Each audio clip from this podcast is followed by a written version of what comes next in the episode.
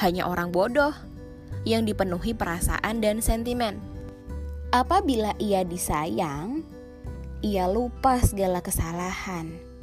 Dan apabila ia berani, ia pun lupa segala kebajikan. Hai sahabat asik. Di episode Gedebuk ini kita akan bahas tentang pribadi. Yuk simak yuk.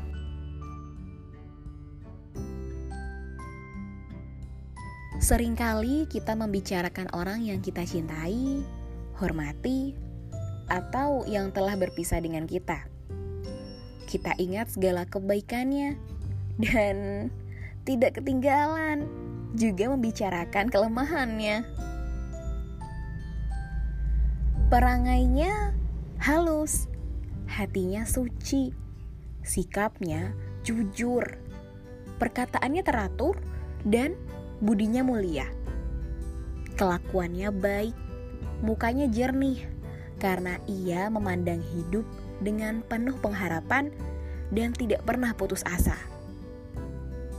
Apa yang diyakininya, itulah yang dikatakannya. Dan apa yang dikatakannya, itulah yang diyakininya.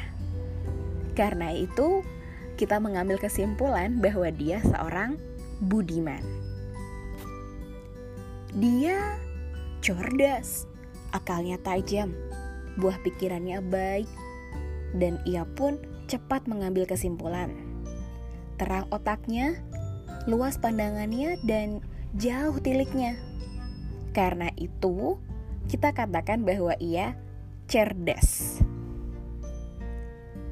Dia suka bergaul, suka menolong, tidak menyisih dari masyarakat tidak memikirkan kepentingan diri sendiri atau keluarganya saja. Tidak gila pangkat, mengerti kedudukan orang lain, dan merasa dirinya ikut dalam kedudukan itu. Hormat kepada yang tua, kasih kepada yang muda, pandai bergaul, pandai berkawan. Kita gelarilah dia dengan gelar orang masyarakat tubuhnya sehat, mukanya berseri-seri karena kesehatan tubuh dan jiwanya. Pakaiannya bersih karena kebersihan hatinya. Dia gemar olahraga untuk kesehatan tubuh, dan dia suka musik untuk kesehatan batin. Kita namai dia orang sehat. Pemahamannya luas, penyelidikannya dalam, bacaannya banyak. Karena itu, banyak yang diketahuinya, sehingga dia tidak merasa canggung dalam pergaulan dengan segala lapisan. Oleh karena ada pengetahuannya dalam suatu hal, dia bertanggung jawab. Kita namai dia orang yang cerdik pandai semuanya, yaitu budi, akal, pergaulan, kesehatan, dan pengetahuan berkumpul menjadi satu pada satu orang. Kumpulan itulah yang membentuk suatu pribadi.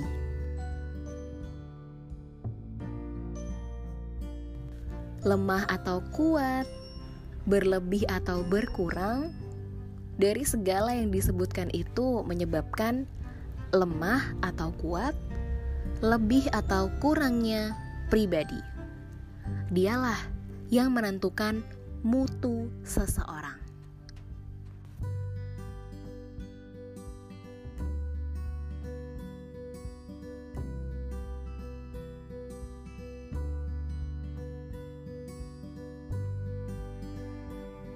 Nilai seseorang adalah pribadinya. 20 ekor kerbau yang sama gemuk, sama kuat, dan sama pula kepandaiannya menarik pedati, tentu harganya tidak jauh berbeda. Akan tetapi, 20 manusia yang sama tinggi dan sama kuat belum tentu sama harganya. Sebab bagi kerbau tubuhnya saja yang berharga bagi manusia adalah pribadinya. Orang yang berilmu saja, walaupun ia sangat ahli dalam satu bidang, belum tentu berharga dan belum tentu memperoleh kejayaan dalam hidup apabila sekiranya bahan pribadinya yang lain tidak lengkap atau tidak kuat, terutama budi dan akhlak. Banyak guru, dokter, hakim, insinyur, dan orang yang memiliki banyak koleksi buku serta diplomanya segulung besar, dalam masyarakat dia menjadi mati sebab dia bukan orang masyarakat. Hidupnya hanya mementingkan diri sendiri dan diplomanya hanya untuk mencari harta. Hatinya sudah seperti batu, tidak mempunyai cita-cita selain kesenangan dirinya. Pribadinya tidak kuat karena ia bergerak bukan karena dorongan jiwa dan akal. Dan kepandaiannya yang banyak sering kali menimbulkan ketakutan, bukan menimbulkan keberanian untuk memasuki dan menjalani hidup.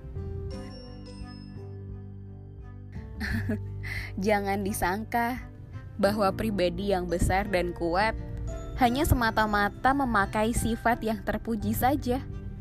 Oh, tidak, bahkan kebalikannya bertambah besar pribadi seseorang, bertambah jelas letak kelemahan dan kekurangannya.